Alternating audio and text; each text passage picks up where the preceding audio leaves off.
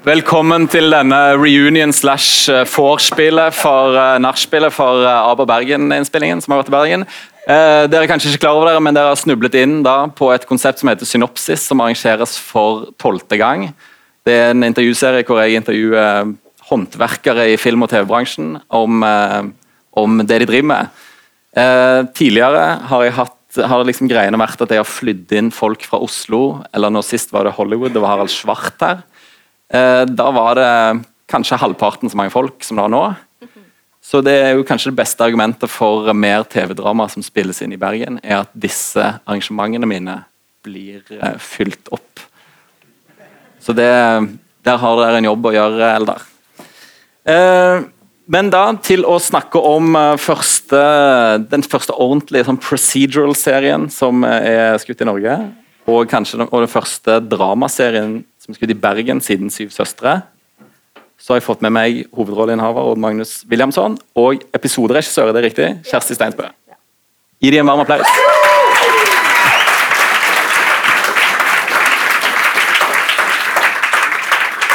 Hvem var det som hadde hovedrollen i Syv søstre? Var det, var, var, var det Bilba, eller var det var litt vanskelig å si hvem som var hovedrollen der? Det var vel en mer sånn ensemble-cast. Er det ikke, var det ikke hvem, jeg tenker på hvem jeg Hvis Ellen da er Billeba, vår ekvivalent av Billeba, så er jeg han taxisjåføren, han homofile taxisjåføren, egentlig, tror jeg. Mannen hennes som egentlig hadde Er ikke du Torfinn Nag? Er ikke du Torfinn Nag, han konebankeren?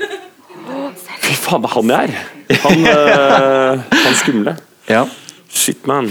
Ja. Er, hvem er da Lykke oppi dette? Hun er da Lykke, hun dame til skihopperen.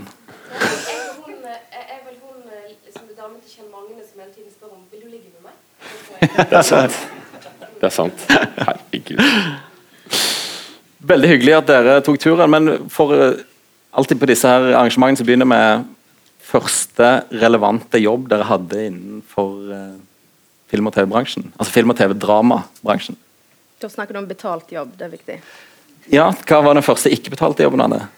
Da tror jeg vel jeg hora meg for alligator med et eller annet reklame, men jeg husker at min første var og stoppe trafikk i Pål Øye sin kortfilm 'Stopp'. Og da var, var det hovedrollen? Nei, nei ikke, ikke, helt. Men jeg, og da hadde jeg egen walkietalkie. Da husker jeg var vanvittig stas. Var midt i skogen en eller annen plass. Ja. Og sto og stoppa trafikk. Var jeg var veldig stolt. Var den betalt eller ikke betalt? Jeg tror jeg fikk enten 1000 jeg tror jeg fikk 1000 kroner kanskje for de dagene der. Og, og mat. Det var ganske stort. Ja, nettopp. ja, det tror jeg var min første. Hvordan var det for deg? Magnus? Tror det var U på NRK. Det var første betalte, første betalte jobb. Som skuespiller? Ja. ja. Hva var det du gjorde der? Da var det, da var U, dette er vel på slutten av 90-tallet, så hadde de NRK en satsing som het U, hvor de hadde fire eller fem forskjellige eh, profiler. Som, hvor de da lagde sånne små short stories om deres liv fra uke til uke. Og så var det um, I livet til Håvard Lilleheie så var jeg og Steinar Sagen sånne mennesker i hans liv. da Nettopp. Så det var da med, om, da med regissør Magnus Martens, um, som da etter det tok meg med litt videre på andre prosjekter. Og så er det sånn den klassiske at du ja, bare drar deg videre, og så, så lenge du jobber hardt og er grei mot folk, så baller det på en måte ofte da på seg av mer arbeid. Hva var neste prosjekt Martens tok deg med på? Nei, 'Folk flest bor i Kina', heter det. En ja. sånt uh, slags kortfilm, uh, eller en spillefilm bygd opp av forskjellige kortfilmer som skulle gjenspeile de forskjellige politiske partiene. Uh, i lagd 2000? 2001? Ja. Ble vel sett av 400 på kino, eller noe sånt. Så det var uh, Men uh, ja. ja, ja. første som står på IMDb på dere, er jo henholdsvis reprise og hevn. Hvordan, hvordan var veien fra 2000 og den her Kina Folk flest bor i Kina til reprise? Hva gjorde de mellom der? Jeg studerte jeg studerte på Westerdals i mellomtiden. Eller, det vil si, jeg kom ikke inn på Teaterhøgskolen. Uh, forsov meg. Og um, da var det én annen option hvis du ikke hadde Artium, og det var Westerdals. Så gikk jeg der istedenfor.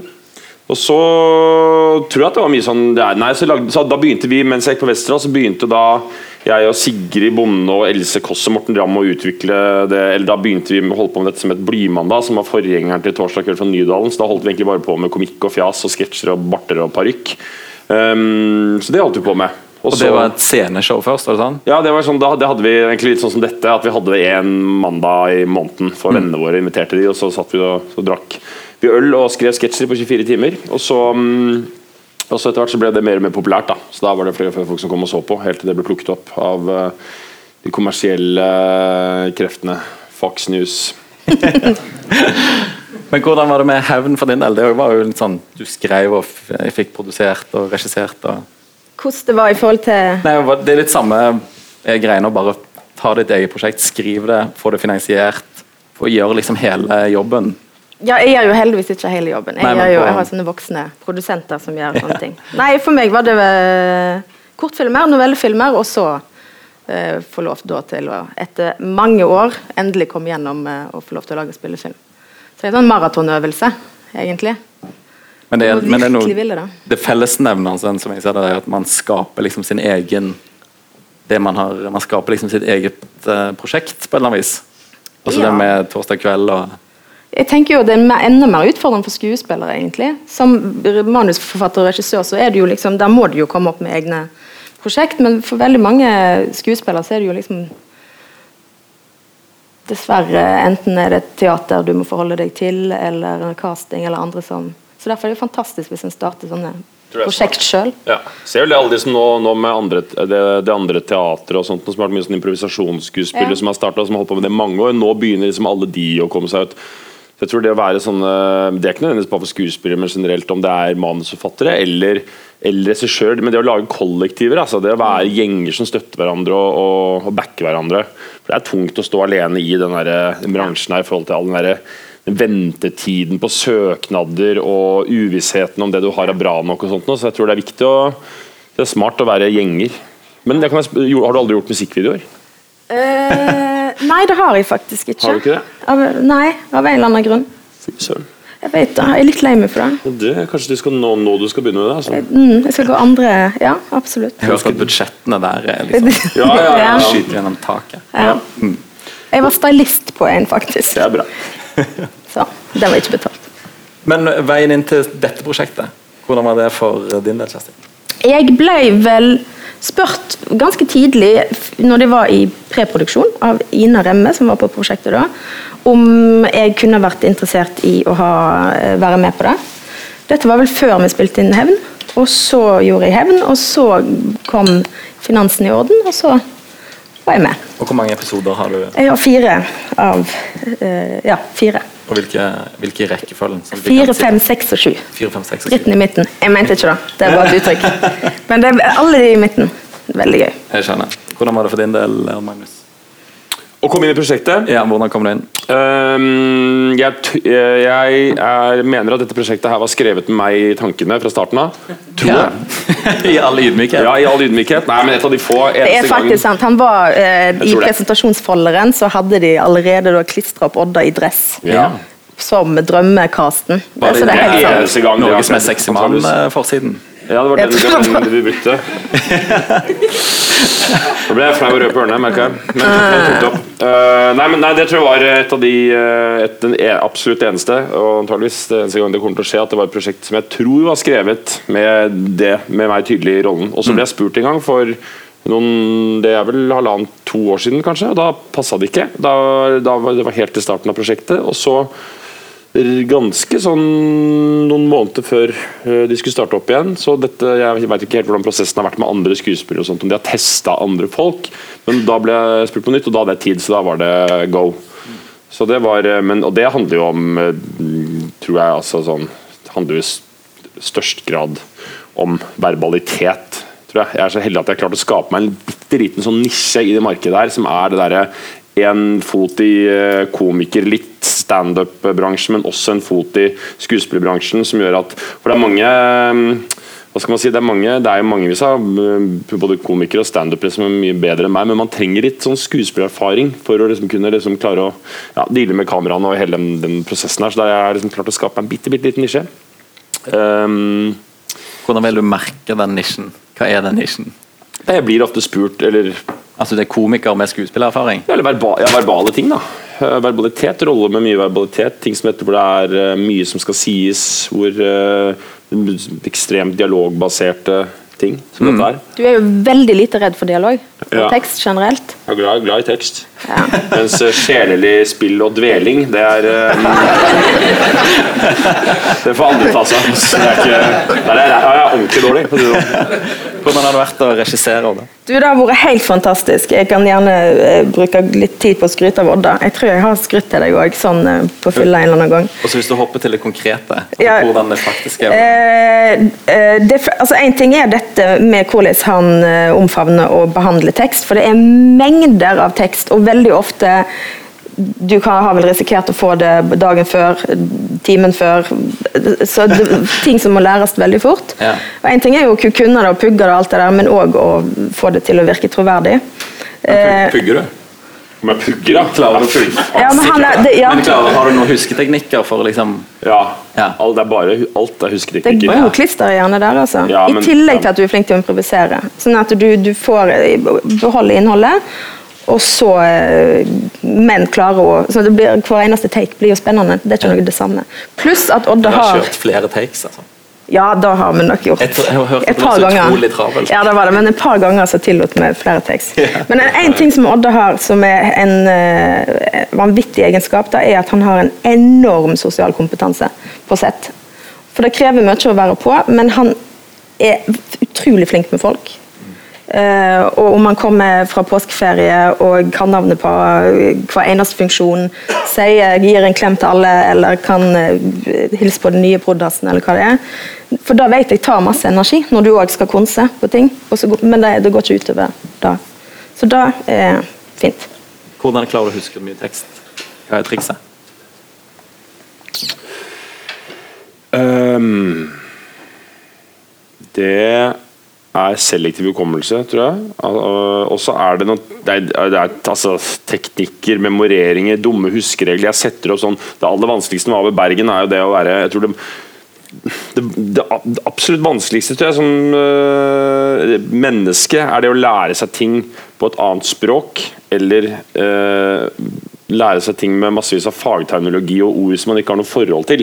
Det, på en måte, det har vært det absolutt vanskeligste tilfellet. her, Det er å lære seg å få eh, ord som eh, nå har jeg, jeg, når jeg vasker, altså, jeg glemmer jo alt sammen idet jeg er Nå er ferdig. det bare sånn krigs... Men eh, eh, men- juridisk terminologi, da, som, er, eh, som du aldri bruker, og, og få det liksom inn i, i og få naturlig flyt i forhold til å bruke ord som sannsynlighetsberegning, eller, eller eh, bla, bla, alle disse kompliserte, komplekse ordene. Ja. Uh, og det er, det er de som ofte er vanskelig. Det er ikke så vanskelig, man, jeg forstår ganske fort en scene og hva den skal handle om, men det å da klare å liksom få inn disse, særlig i de forskjellige prosederingene vi har spilt inn, og sånt nå, hvor det må være på G, der er det ikke noe rom for freestyle, og alt sammen skal være Det er krevende, og da lager jeg sånne huskeregler som går på rett og slett at det er liksom, Et ord som sannsynlighetsberegning, eksempel, det er da SB, sannsynlighetsberegning. SB, er det noe annet jeg kan knagge det på?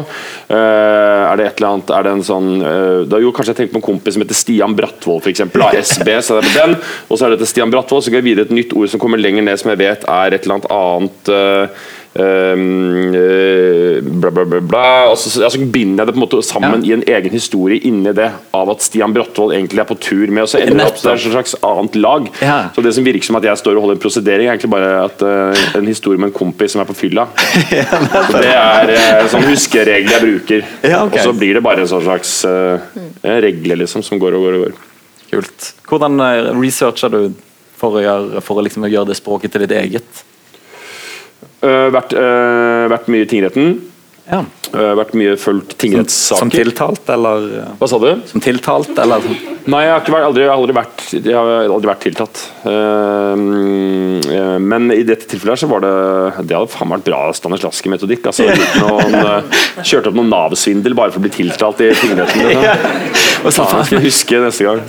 Men eh, kan nei, nei, jeg sitter jo og fulgte med på advokater. Fulgte med på Ikke nødvendigvis sakene og sakenes innhold, for de er ikke alltid så spennende i tingretten, hvor det ofte handler bare om straffeutmåling. Men det å følge med på advokater, og følge med på lingo, og følge med på språk og kroppsholdninger, og ikke minst også hersketeknikk og strategier som går på hvordan de setter ut, hvordan statsadvokatene og, og forsvarerne bruker sånne små knep mot hverandre hele tiden. Og sitte og prøve å fange opp de tingene der, og så ja, rett og slett bare det å liksom finne ut hvor mye hvordan energi er det de bruker i språket sitt, og alle de tingene der. da. Men gikk du liksom så Jeg har vært journalist og sittet i retten. Da går man jo opp igjen i pausen og spør Sto du da i kø sammen med journalistene for å Jeg snakket, jeg, snakket mye, jeg snakket mye med Ikke nødvendigvis i- ja, Kanskje ikke så mye pause. Jeg venta som egentlig var ferdig. Men jeg prata selvfølgelig massevis både med, med forsvarere og aktorer og og den slags. ja. Var det noe du, eh, noe du plukket opp i de eh, Jeg husker Det som jeg synes var interessant, var, den, var i pausene. Det lille, lille spillet som de rakk å, og enkelte rakk å spille ut mot hverandre i, i, um, i det retten tok pause. husker jeg særlig var en um, en sak som dreide seg da om Nav-svindel, hvor, eh, hvor statsadvokaten uh, tegnet et altså Det var en, en, polsk håndverker som hadde bøffa Nav for 70 000. Eller sånt. Det var ikke så mye, men Nav er jo knallharde på det der. liksom og Da hadde han visstnok gjort det to ganger, eller noe da, og da brukte statsadvokaten veldig mye patos. En ganske ung, uerfaren um, type som liksom brukte mye patos og tegnet opp denne tiltalte som en fyr med et forbrytersk vesen. Uh, og da Forsvareren hans, da som var mye, liksom, mye mer eldre og erfaren, gikk da i, i, rett i det pausen kom, så var hun rett på med en gang og liksom gjorde narr av det at han brukte forbrytersk vesen. Hun sa sånn forbrytersk vesen, ja. Jaså. Det, var, det er første gang jeg har hørt det. Liksom. Så merket jeg at han ble satt ut og var litt sånn, og ja, kanskje han tok i for mye. Så merket jeg sånn, det lille spillet der. Og det var nok til at i neste runde så så jeg at han var mye mer sånn Han tok det ned og, og parfymerte ja, parfymerte betegnelsen. da. Jeg ser sånn aha! Sånn det liksom funker. Og det var jo da mm, små ting. Små ting å plukke opp. Kult. Hvordan Hadde du noen rådgivere du brukte? Ja, jeg er jo advokatdatter, så jeg hadde jo da føltes det som nesten daglig, av og til daglig samtaler med pappa. Ja. Som var jo da jeg tror han... Eh, som en som sto på sett? Nei, ja, virkelig. Ja. Kan, kan, du vente litt, litt, vent litt grann. Står de, pappa, står de når de sier det? Det var veldig sånn små på detaljer. Har de, har de kapper? Nei, de har ikke kapper. Ikke kapper her. Så, så, og han elsker det. Eh, så eh, det er Bortsett fra at min, Stine, min lillesøster, studerte juss i ett år, så er liksom dette nærmeste pappa kommer med den drømmen om at en av hans to døtre skal, skal meske seg med juss. Så han koste seg veldig. På slutten av liksom, de fire episodene dine, da, ble han imponert liksom, over alt du hadde lært? Ja, jeg hadde, jo, ja, han, jeg hadde et par ganger der jeg bare litt sånn nonchalant eh, lirte av meg noen fraser som jeg lata som at jeg hadde skrevet. Så var det sånn tatt fra noen høyesterettssaker som jeg hadde copy-pasta inn. Det ble sånn stille i andre enden. Og så angrer jeg på at jeg eh, sa at jeg hadde stjålet det. For jeg tror han hadde, da hadde jeg skåret enda høyere. Er du bare latt som at ja. dette, var, dette er selvsagt mitt språk? Så han jeg tror jeg har lyst til å pensjonere seg bare for å bli konsulent i kommende sesonger. Altså. ja, men, eh, men, da har jo jeg har vokst opp med, og hver middag, på, med middagsbordet så har det vært samtaler. En lærer fort at det norske jussystemet er ikke lov og rett i LA. Nei, det er ikke så sexy og spennende nødvendigvis når du er på retten på Stord. Det er ikke ja. det samme futt og fres nødvendigvis. ja, hvordan er det? Nei, det er jo da at du får eh, Nå er han forsvarsadvokat, men tidligere hadde han jo et, du, du får jo et helt annet sett av saker eh, når du er på mindre plasser, selvfølgelig. Og ikke i LA? Så det er jo det Nei. så det, det, det, det er veldig mye sånn nabotvister og arvetvister. Og, men det som er spennende, er at du kommer jo rett inn i enten kriser eller altså, vanvittig sære livssituasjoner til folk. Og det syns jeg er spennende. Så det var veldig masse rare historier som ble fortalt rundt bordet. Ja, altså sånn I forhold til um, den tanken om at uh, det er kanskje ikke nødvendigvis det samme det noen, det ikke, Vi har ikke hatt så mange saker om en, um, hva skal jeg si, vår OJ Simpson eller den slags, da, men egentlig det som vi kanskje merka litt i forhold til um, denne serien her, og det å jobbe både med manus og saker og, og er jo at det nødvendigvis ikke er sakens kjerne som er spennende. Men det er prosederingen og retorikken og vendingene og alt det som går rundt. Om det handler om nabotvist eller, eller katter eller, uh, eller, drap, så er det ikke nødvendigvis Man mister faktisk nesten litt sånn der, Man blir litt sveiseblind på sakens innhold. For det som er spennende, er jo det å følge argumentasjonsrekker og, og utgangspunkt og hva Uh, hva som ligger i det. Altså jeg, jeg, tror ikke nødvendigvis at det er noen som Sikkert en del har hatt betenkeligheter rundt i forhold til å lage en norsk jusserie. At ja, men har vi, norsk, har vi noen interessante saker å ta tak i, liksom? Ja, absolutt. Mm. Og, eh, og, den største dramatikken kan ofte ligge i de minste tror jeg kan ofte kan ligge i de minste sakene. Mm.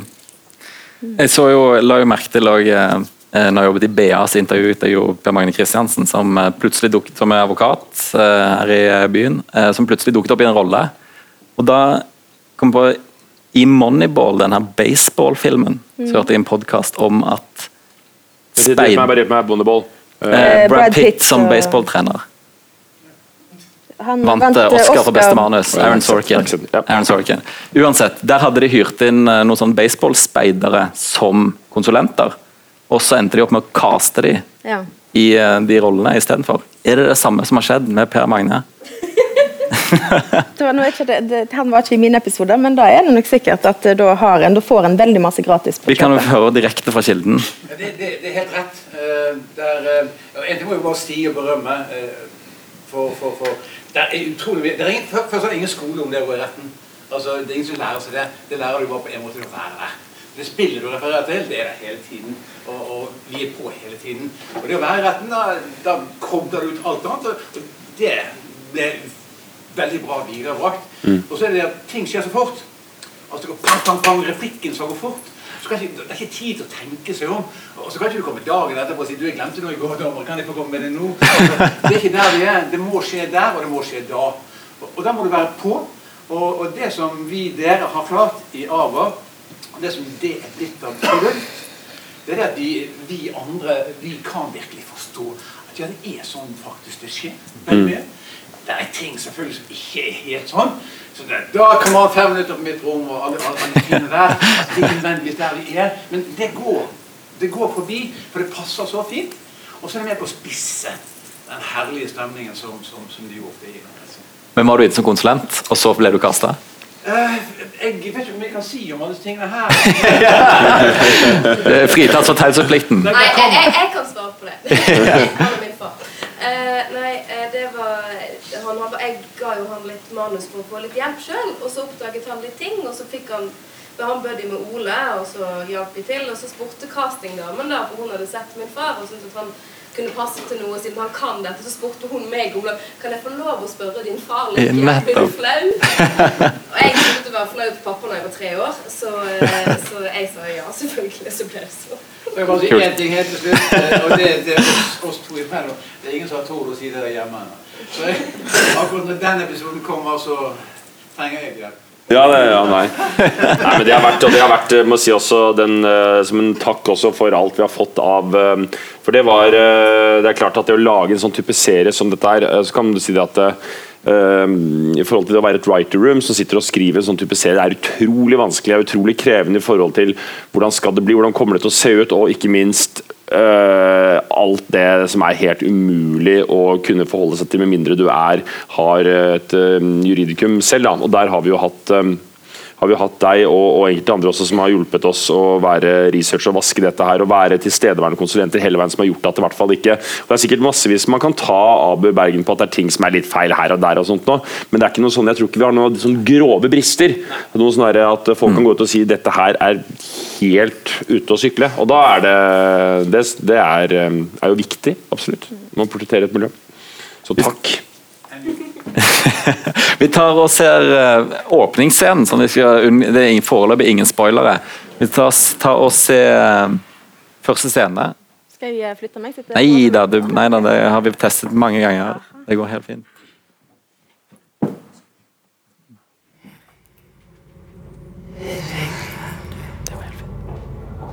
Du skuffer deg selv. Hva er det du vil? Er det dette du vil? Hvem er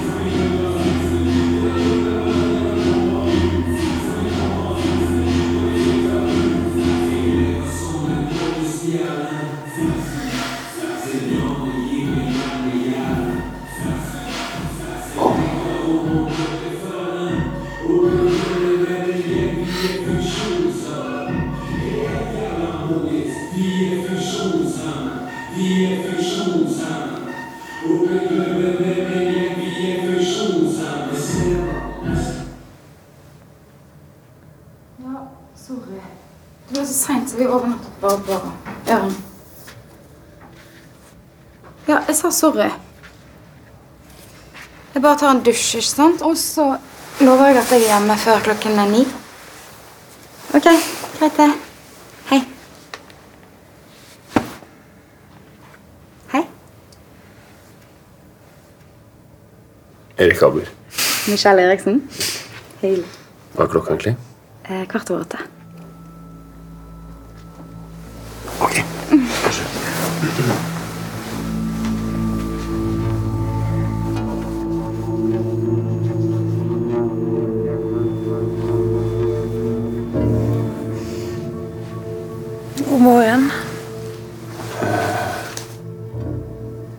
Har en telefon? Ja, jeg har sovet på den.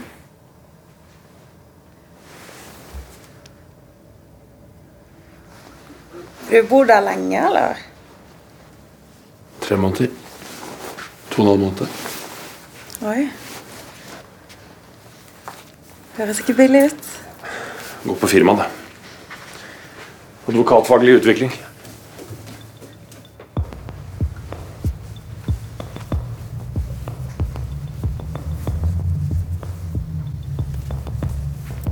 Skulle redde en venn? Var det sånn? Ja, det er det som er planen. Se her. Sånn. Takk. Du, med tanke på natten Er det sånn at vi må få room service til å sende opp angrepiller? Husker du ingenting?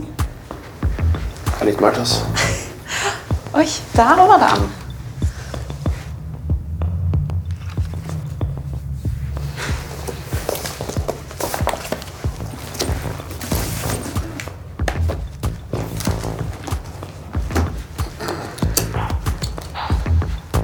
Ta dere en frokost på mitt navn. Et lite kyss til vi ses igjen. Ses vi igjen? da?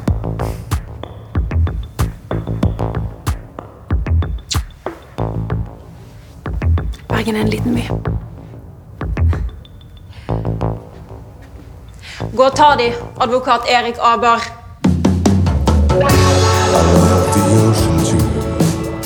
How it's and blue. Ikke noen har lest den recapen som er gjort av serien.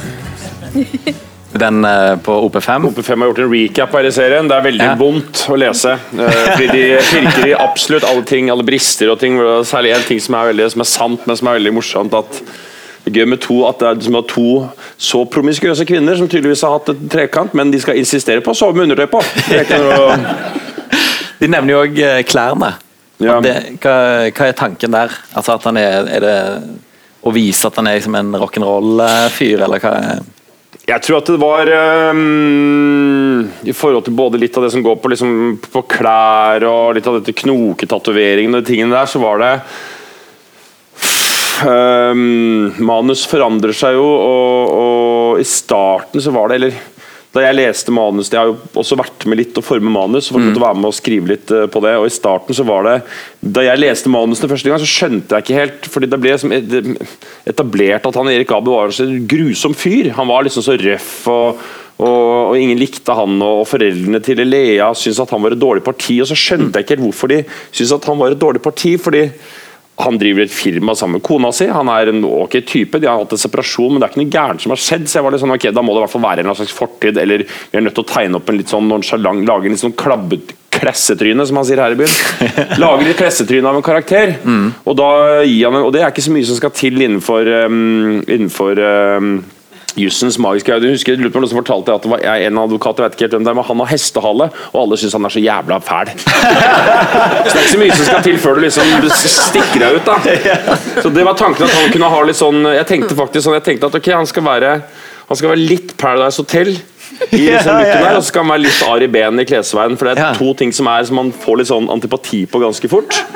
Og det oppi dette kan være sånn, ja, Da har du i hvert fall litt grann som gjør at det er en, en type til type. da Skjønner. skjønner. Men Var dette alltid åpningsscenen? Når det første manuset du leste? Denne åpningsscenen, ja, dette var åpningsscenen.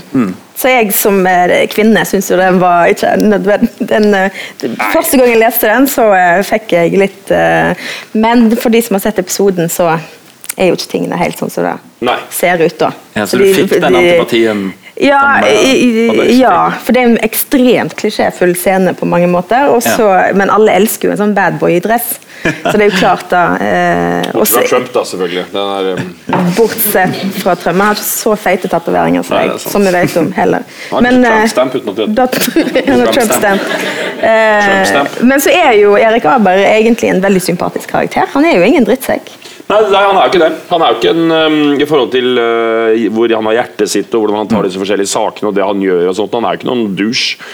Så det var, um, var bare jeg som Jeg tror vi sleit litt med å finne hvem er Hans indre douche. Hans indre douche, ja. Og prøve å finne ut hvem er det egentlig dette er, bortsett fra at han kanskje er litt cocky og arrogant og, og sånt, men uh, jeg tror ikke jeg vet om noen advokater som ikke er det.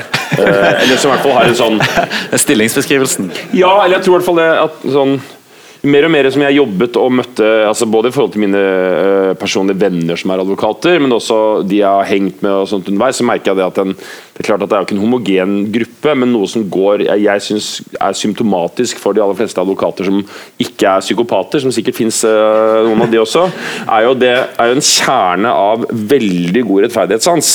eh, og en kjerne av antiautoritet, og en kjerne av dette her at i et hvordan på en måte rettsapparatet skal fungere for å beskytte det lille mennesket mot en stor stat, som har absolutt alle ressurser til å kunne angripe et bitte lite menneske. Mm. Det er på en måte den indre kjernen, men utenpå den er man jo nødt til å kle på seg kanskje tidvis litt sånn arrogante, douche, litt cocky trekk for å kunne fungere i en, en rettssak. da. Så det er jo ofte en sånn en slags crème brulé av litt sånn douche-skall, men en veldig deilig eh, Vaniljekrem. Deilig vaniljekrem Snill vaniljekrem. Men når dere var, gjorde research dette her, for det, det jeg opplevde når jeg har vært i retten og vært i fengsel, og sånn, er det der at jeg følte mye, det ble mye mer konkret, det her overgrepet som det egentlig er. Eh, alle sånn der, Når du begrenser friheten til, eh, til folk. altså At det som blir lest opp, som man leser om i avisen, som refereres til som en dom, når man er i rettssalen, så føles det så mye sterkere. Var, dere, var det noen tanker som sto der når dere drev og researcha her?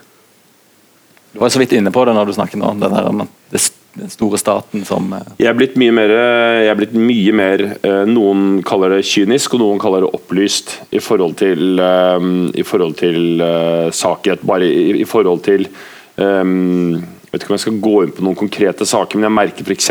sånn eh, Ja eh, Saker hvor man dømmer fort. da Saker som f.eks. den eh, voldtekten oppe i Hemsedal, hvor eh, det automatisk er en refleks i meg som sier å, kastrer de tre gutta her uten rettssak, uten noen ting. Bare gå rett på dem og øh, klippe av dem nøttene. Så har jeg fått en sånn så jeg begynt liksom å klare å tenke ok, men hva med at det er noen politirapporter her hvor det kanskje har vært en eller annen lensmann som ikke er så god på dette her, men som har blitt farget av det, og derfor har kanskje vært brå og snar med hva han har skrevet og sånt noe. Og, og, det er vel, som man jo særlig merker at eh, politi slette politirapporter feller uskyldige mennesker. og Derfor er advokater veldig viktige. Um, som et lite eksempel. Så bevissthet rundt det har selvfølgelig ja, blitt mye mer bevisst rundt det. Ja. Men man høres så jævla kynisk ut i det man sier. Sitter rundt et middagsbord og noen sier du, fy faen, ta de gutta, så sier man ja, er vi så sikre på at de faktisk Du blir staff med en gang, liksom. Så, um, men det er viktig, og ja. Men det, dette her var alltid åpningsscenen. Vi har alt annet etter det gått nøyaktig som planlagt hele tiden. Absolutt til den minste lille Nei, det har, det har de ikke. Det gjør det nok veldig sjelden eh, i en TV-serie. Eh, nei, vi har jo hatt en eh, spennende pro eh, produksjon. Når vi gikk i opptak, så var jo ikke alle manusene ferdige, f.eks. Siste, eh, som er jo ganske vanlig. Altså En skriver mens serien går framover. Eh, og det har vært en prosess med å utvikle manuset. Der har Odda òg vært ganske delaktig. I, eller veldig delaktig. Eh, så det har vært en spennende prosess, sånn sett. Det har det absolutt vært. Ekstremt diplomatisk. Ja, nei, men det er er veldig, veldig spennende. Akkurat som eh, jeg tror at eh, eh, da vi møtte Da jeg og Torgny møtte deg Da vi møttes første gang, Ja. så tror jeg nok at eh, stillingsbeskrivelsen var litt annerledes for, eh, for eh, episoderegissørene. Jeg tror nok det var nok en, en tanke om at her skulle man komme på og, og bare mm, forgylle, eller for løfte manus som på en måte var ganske klare. Men sannheten var jo det at eller, det endte opp med at uh, hver eneste episoderessurser har jo bidratt ekstremt mye på skriving. Og skrevet masse, og omskrevet og vært nødt til å gå inn og ja, uh, forholde seg til da f.eks. store endringer som er blitt gjort i bolken før av en annen regissør. og sånt noe. Så det var jo, jeg tror nok at uh, en del som da husker jo at det var en sånn Shit, her er det mye som skal gjøres. Men det er jo også en Så kan man si Så kan man både begynne å snakke om halvfullt eller halvtomt i forhold til at ok, det er mye mer ekstrajobb, men det gjør jo også det at muligheten for å kunne gå inn eh, med manus som ikke er hamret i sten, gjør det at du kan hele tiden sitte og forme og shape og tilpasse og klare å skape et veldig organisk produkt da, fra dag til dag. Eh, På et eller annet tidspunkt så tror jeg nok det på en måte bare ble en sånn aksept på at dette her må vi styre. Eh, Og vi må skrive det og vi må få det i mål, og vi kan ikke nødvendigvis forvente eller forholde oss til at writer roomet skal klare å levere de tingene de har sagt at de skal levere. Da var det sånn, greit, da tar vi tak i det, og så former vi det så godt vi kan. Men så begynner vel dere å kjenne karakterene. Begynner jo etter hvert å bli ekspertene på disse. her. Ja. Jeg, når jeg kom inn, da hadde dere allerede gjort tre episoder, så jeg fikk jo et veldig sånn deilig oppvarma en deilig oppvarma både stab og skuespillere, som har begynt å, å eh, bli mye mer kjent med, med karakterene. Og da er det jo, Jeg syns jo det er fantastisk gøy å ha muligheten til å jobbe med, med dialog, f.eks. Med, med skuespillerne. At de kan forme det til sitt eget. Og så er det Siden det òg er en eh, masse juss, så skal, er det jo en del ting som ikke er så bra å improvisere altfor mye. Eh, Så det, skal jo henge sammen òg. Jussimpro. Ja, Ja. jussimpro. Det, det får bli neste sesong, når de er skikkelig har det innunder huden. Jeg skjønner, men eh, sånn som eh, eh, Hvordan blir arbeidsdagene, da? Arbe arbeidsdagene her har jo det har vært et utrolig stram produksjon. Mm. Dette, denne serien er jo laga for eh, en, tre- en tredjedel, en fjerdedel av mange av de andre seriene som er nå. Altså på NFI sine sider, da, de, for der søker man jo støtte. Der står Ja. Mm. også oppgir man totalbudsjettet. Der er det bare 19,3 eller noe sånt som sto Ja. eh, der. Eh, og det er på ti episoder, Ja. da blir 1,9 Ja. per episode. Nobel, åtte episoder, hadde vel 68 millioner. Ja, som en- så- så- 8,5 million per episode. Ja, så det er litt annet. Vi hadde jo ikke så masse helikopter og, og skyting osv., men eh, nå har vi jo en her som er med i begge eh, seriene, så han kan jo helt sikkert snakke, snakke om forskjellen på når du har et sånt budsjett og ikke. Men Men det gjør jo at du må jobbe veldig, veldig raskt. Mm. Vi skyter da Vi hadde sju-åtte sider hver dag. Vet ikke hva dere hadde på Nobel, husker du det? To til tre, To til kanskje. Fy Ja. Så, ja, det er helt fantastisk. For en luksus.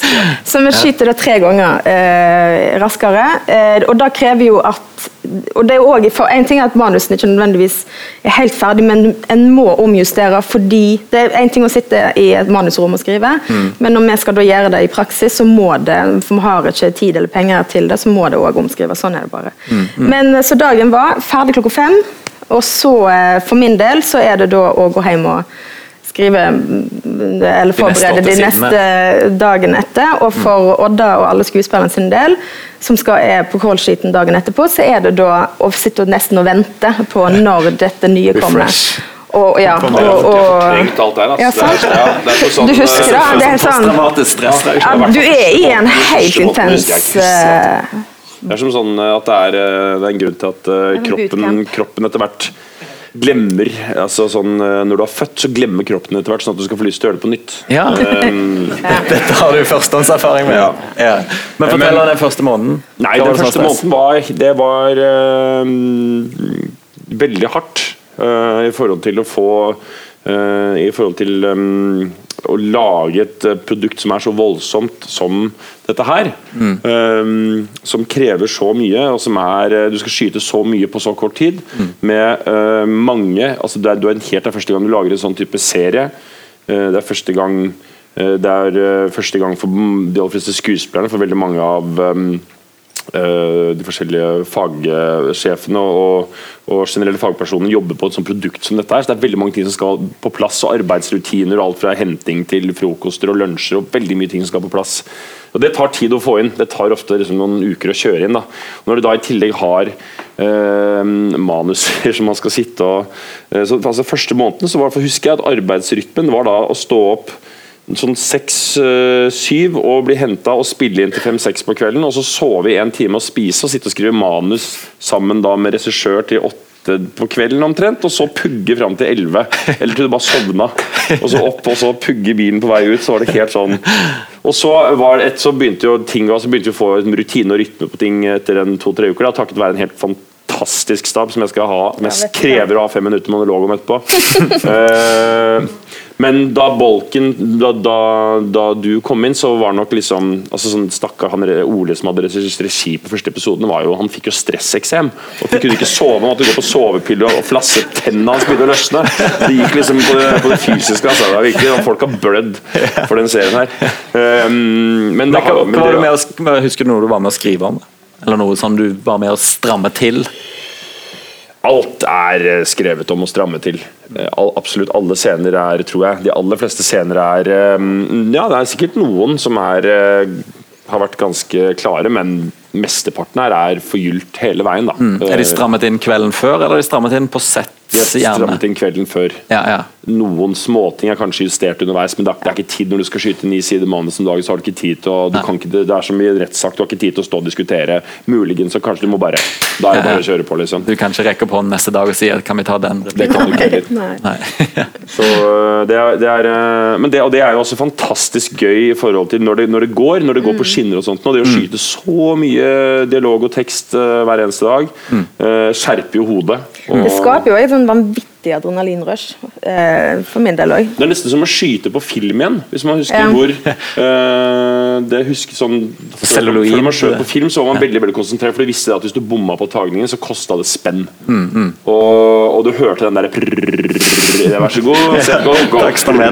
Og du bare ok, hvis jeg tryner nå, så er det Og sånn har det nesten vært her nå også, at vi har ikke hatt det har ikke vært noe sånn rom for å drive og bomme og holde på. Du må bare du må treffe, liksom. Har du blitt en bedre skuespiller, tror du? Ja, helt klart. På hvilken måte? Skjerpende. Mye mer skjerpet. Men eh, kom du på én ting du var med å stramme på? Dialogmessig. Første, jeg på stramme på? I eh, første episode, f.eks. Ja, den, altså den scenen her, den uh, åpningsscenen Ja. var, uh, som vi nå har sett, var egentlig det, var tre sider dialog. det Massevis av uh, mye Hvor mye, mye, mye er det her, da, f.eks.? Det her er halvannen, eller? En halv side, kanskje? Ja, ok. Mm. Ikke det engang. Det er Ja. vel hva sies for noe. Hei. Og Erik Aber. Og, ja, det er en, en side, kanskje. Ja. Så masse masse sånn frem og tilbake, og kjekkaseri og saker og tete meldinger og jeg skal prøve å komme på hva var det er noen eh, men, Og det er, det er ikke rart, det. Fordi det er sånn må du liksom Man må skrive det sånn hvis man skal klare å liksom få fram en karakter. Men så merker man ofte på sett at trenger ikke alt der. Kan Mm. si ofte ting på en litt annen måte. Sånt. Så jeg tror nok at det var um, Angrepiller, var det den, f.eks.? Angrepiller er, er, er jeg som har skrevet. Ja. Den har jeg kommet på. uh, Er det, er det liksom uh, en av dine catchphrases?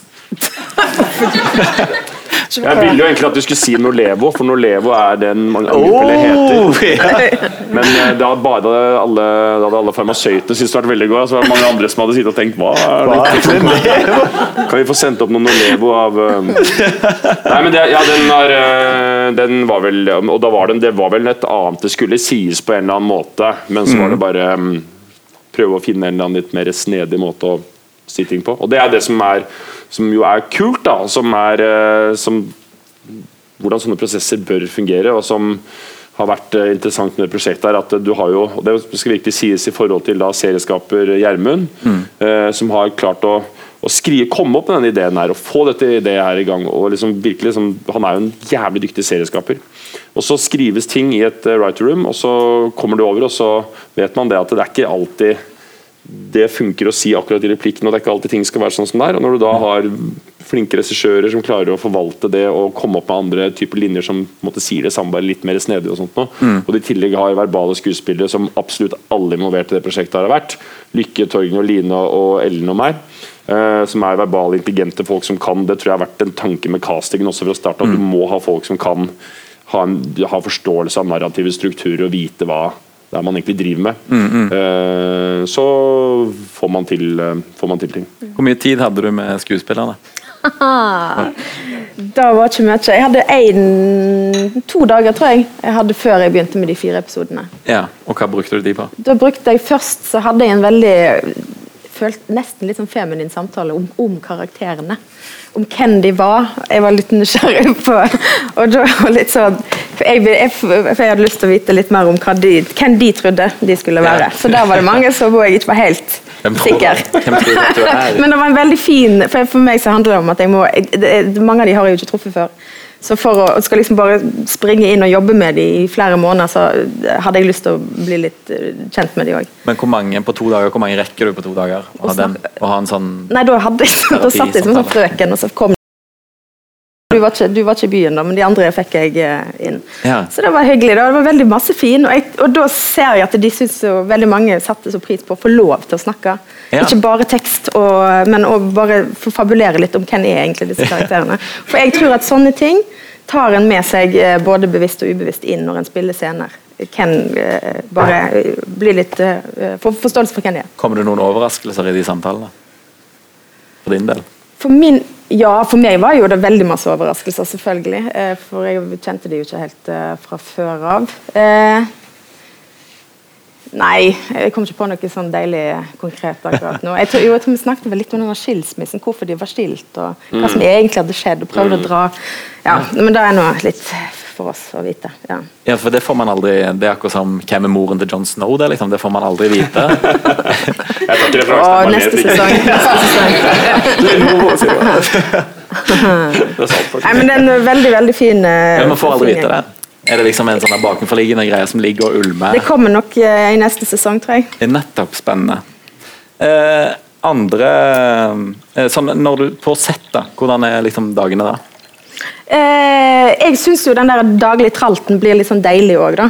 Kom, altså det, den rutinen og den, nå, denne, nå er det veldig mange av staben her i dag, og de har jo vært med. Mange av de var jo med fra børjan til slutt. Som du òg. Jeg var jo fire episoder, men hvor mange måneder var det alt i alt? Fem? Fire? Nei. Fire, ja. Fire. Så du, du får jo en sånn familiefølelse. Mm. Da savner du jo etterpå at eh, du kommer inn, og du får kaffe, du tar kaffen, du blir henta, du uh, øh. Og så blir det bare å ta og Etter hvert så blir det Hvem er det vi har i dag? Og i dag er det Hege Skøyen. Så spennende. Hei, Hege! Kjersti heter jeg. Ja. Vi skal gjøre denne scenen. Flott. Lasse Linten er hyggelig der er du. Så det blir en sånn eh, Du må legge alle sånne her eh, jeg, jeg fikk i alle fall en trening i Du fikk ikke eh, tid til å grue deg? Nei, jeg fikk, nei, ikke så, for jeg fikk ikke tid til å snakke med dem på, på, på forhånd. Så det, du må bare gå inn. Tenke ok, da skal vi løse den. Det blir veldig at du tenker scene for scene, dag for dag. altså Du tar Mm. det liksom stykkevis og delt. For hvis du skal tenke alt, da, blir, da får du litt panikk. Du må liksom bare få kontroll på, på det som står. Og så gjøre det beste, kna scenen, på, prøve å kommunisere eh, hva du vil. Og så er det jo egentlig veldig, veldig gøy. Det er jo en fantastisk eh, herlig jobb, altså. Bare få lov til å gå inn og så leke på den måten der. Men det var en scene som jeg ikke klarte å finne igjen, som jeg tenkte å vise fra. Hvor du går rundt i kontorlandskapet og virker som du føler deg altså Det var sånn imponerende. Du følte det Det så ut som du virkelig Dette var liksom din home turf. Bare det hjalp det at dere bodde i de her, denne bunkersen eh, i uke etter uke? Gjorde det deg sånn husvarm i de kontorene? Ja, det tror jeg absolutt.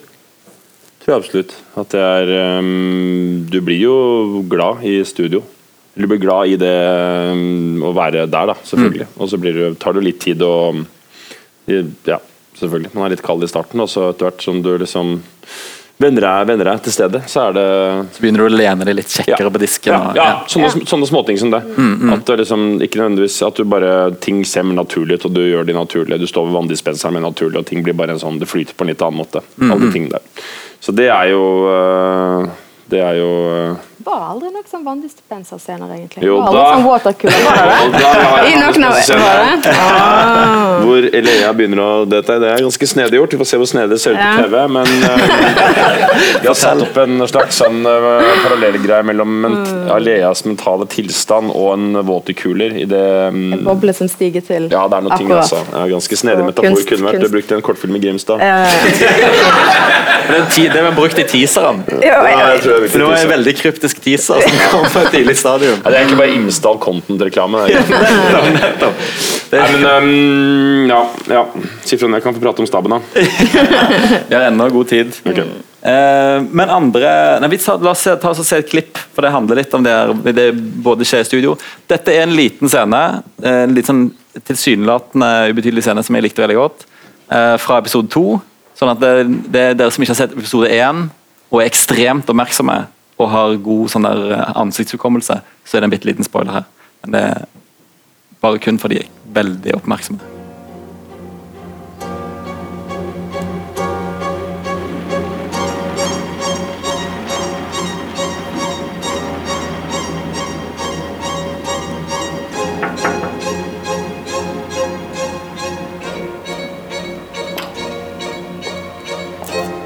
Unnskyld?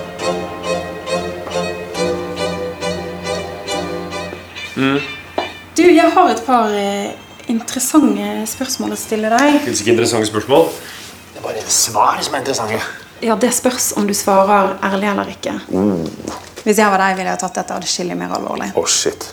Såpass. Du kan jo si det sånn at informasjonen vi mottok, hadde noe for seg. Så har du fått ring på fingeren. Hvordan går det med ektemannen din? Det går fint med han. Han er på jobbreise nå. Er det ikke alltid. Driver han med? En torpedo. Den smarte i forholdet?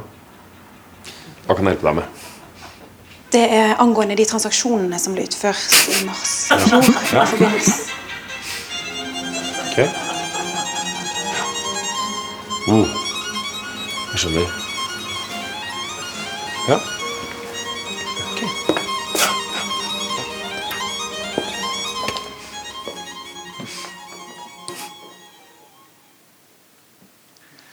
Sympatisk type. Hvordan er det å spille sånn over the top-fyr? Veldig gøy. Vanskelig. Ja, hva er det som er vanskelig? Vanskelig å skru på riktig temperatur. Noen ganger så skrur du på for mye, og noen ganger skrur du på for lite.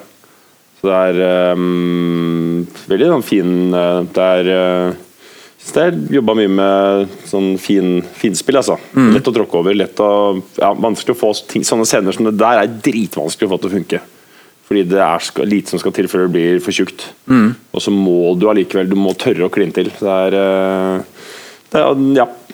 Hvis det var et svar. Ja, men nei, Det var et veldig godt svar, men jeg, kan, jeg vet ikke om du kan um, hvor, eh, hvor mange tagninger for eksempel, er dette her? Hvor, mange, hvor mye sånn, øving har du? Vi rekker jo ikke noe særlig øving på det. Det er det som er vanskelig. at du får ikke, Det er ikke tid til å Vi, vi får blokka scenene. Vi går gjennom og setter arrangement. Hva du skal gå, hva sa du? Hva er blokking? Ja, blokking er altså et sånt veldig fysisk arrangement. Uh, I forhold til Hjelp meg så ikke jeg sier feil her. Vi, men altså, du- vi går igjennom scenen, sant? vi vet hvor ku- skuespiller skal være i forhold til kamera. og Ja. lys. Du skal reise deg så skal du gå hit, og så vet vi at ja, men du har en eh, innstilling her og en der, og en Mm. som tar imot.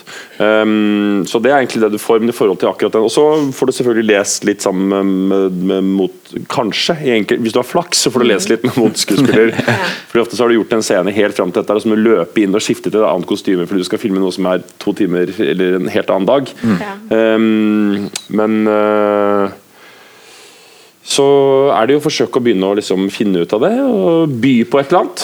Eh, by, på, by på et eller annet til regissør, og så ofte så er det, så er det man pusha på litt for mye eller litt for lite, og da er vi jo så velsignet heldige at vi har hatt absolutt uh, A-laget av norske regissører som har holdt til dette her. da Som er både Ole og, og Kjersti og Jadranko, som også har vært innom, er ekstremt dyktige på, på, på temperaturer. Eh, der, der er jo mm, alle regissører forskjellige. Noen elsker å lage store, sånn som eh, Per Olav Sørensen, som har gjort Nobel. Han elsker å lage svære, store ting hvor alle på en måte er massevis av forskjellige brikker og sånt i hans uh, spill. og Det er, det er stort og sånt noe, mens, mens både Ole og Kjersti er ganske like at dere elsker å sitte på sånn mikro, mikronivå, sitte og pirke små ting. og Hva skjer hvis man legger litt ekstra trykk på det ordet der og litt opp på slutten? Da, sånn der, litt sånn, som er utrolig gøy å jobbe med som skuespiller. Fordi du får liksom du blir justert og blir pusha og, og dytta. Er- Med, med positivt fortegn kan man si at dere ikke har så mye respekt for skuespillere. Det er det mange regissører som har. For mye av. Eh, Det er ikke bra. Du skal, er bare, vi er bare en kveg i deres uh, Så det Hitchcock kalte det. rodeo, på en måte. Altså, Bring in the cattle. som det, er, det er gøy å bli Du vil ha en rytter som bare som, eh, Hvor skal du? Du er ikke ferdig. Den, den rodeo, den rodeo-metaforen kommer til å gå bra. Det går bra. det. Ja. Men Hvordan regissere sånn snappe dialog? Eh, da er det jo veldig flott med en som har eh, bakgrunn i eh, komedie. Selvfølgelig. Jeg har jo en sånn forkjærlighet for komikere som spiller seriøse roller. Jeg synes jo alltid det funker. hvorfor det? Fordi de er så jævlig gode på timing. Jeg tror at det er et eller annet, Har du jobba, har du mestra humor, så kan du overføre det til, på en helt annen måte til drama. For da har du et eller annet, Det er et eller annet med timingen og språk som du har pirka så vanvittig på, for humor er så vanvittig vanskelig. Eh, så snappy dialog. Og så handler det også selvfølgelig eh, om, da, om det er kjemi mellom, eh, mellom skuespillerne. Så det er veldig gøy for hvis du og Ellen står og, og skal liksom eh, krangle litt, eller eh, For da koser de seg. Ja. Så det er jo også da å få, få de til å ha det gøy når de skal være komfortable i eh, snappy dialoger. Og så, sånne type serier som dette her er jo det er jo liksom, Du er programforplikta til å ha den type eh, sjargong Det skal òg. være litt snert, Ja, det skal være litt snert. i praten. Eh, da er dette cuet ditt, for Magnus. Hvordan har det vært å spille inn en serie i Bergen? Det har vært helt, helt fantastisk. Um, på veldig veldig mange måter. Og det var, jeg, jeg trodde, jeg visste ikke hvordan det skulle bli da jeg kom hit, men da jeg skulle dra, så gråt jeg. I På ordentlig. Og det er takket være selvfølgelig kanskje 20% at det er en at det er så flott by, sånn rent visuelt, men det er 80% at menneskene som vi har både jobbet sammen og som jeg har møtt i løpet av en produksjonen, her, er helt, helt, helt fantastiske. Um, og i forhold til å altså sånn, Det er noe helt spesielt altså, med denne produksjonen, her, og det går på alle involverte. fra altså, i alle mulige ledd, hvor det har ligget en sånn jeg har hatt en sånn Helt fra starten så virker det som det har ligget en litt sånn der fandenivoldsk hold... eller sånn at noen av, Det virker som det er veldig mange som har sagt det her får dere ikke til.